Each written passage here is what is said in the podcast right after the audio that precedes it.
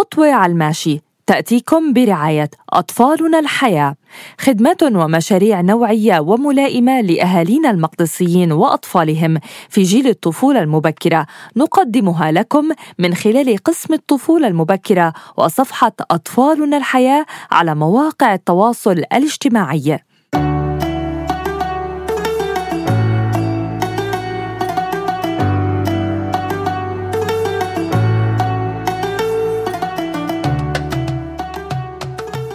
بداية الأسبوع الثاني من رمضان وإحنا بنرحب فيكم من جديد بخطوة على الماشي ونتمنى إنه نكون خفاف دم عليكم. سؤالنا الثامن اللي أنتوا بعتوا لنا إياه من خطوة على الماشي بيقول كيف أتعامل مع عناد الطفل؟ وطبعا هذا السؤال دائم في كل أمور تربية الطفل.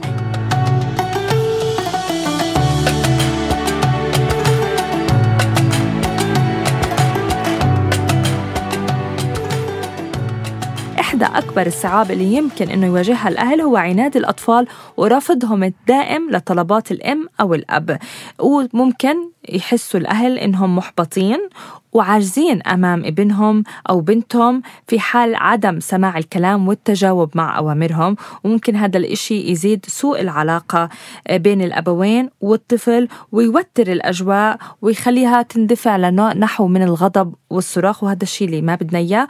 وهذا الشيء منشان هيك أمجد شغري محلل للسلوك موجود معنا ليجاوبنا على هذا السؤال. مرحبا مرام.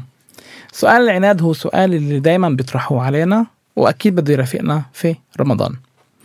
ولكن سؤال العناد في رمضان أنا بدي أجي أقول النقطة التالية. أفكر إنه الحل هالمرة بدي أفاجئك يكون بس علينا. إذا إحنا بشهر رمضان كأولياء أمور وبسبب الصوم مش رايحين نقدر ندير ولا أي حالة عناد شو يعني؟ يعني إن إحنا نطلب الطلب ونهتم إنه أولادنا يعملوه بدي أطلب اليوم من الأهالي وبشكل استثنائي وبس عشان الشهر الكريم إنه خففوا طلبات و ما تتوجهوا إلهن بطلبات اللي هن مش رايحين ينفذوها إنما أسبقوها بطلبات اللي هن أكيد بينفذوها وليش؟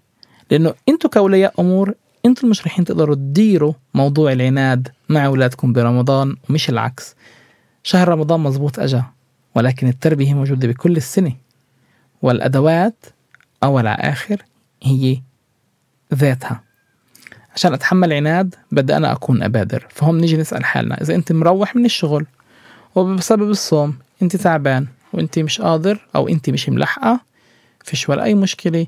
اهتم إنك توجد أو تشغل أولادك في طلبات اللي ممكن يتجاوبوا فيها وبعدين لحقها في الطلبات اللي ما بتجاوبوش فيها بهاي الطريقة. إذا هو استجاب في البداية فرح يستجاب في الأخير. ورمضان كريم.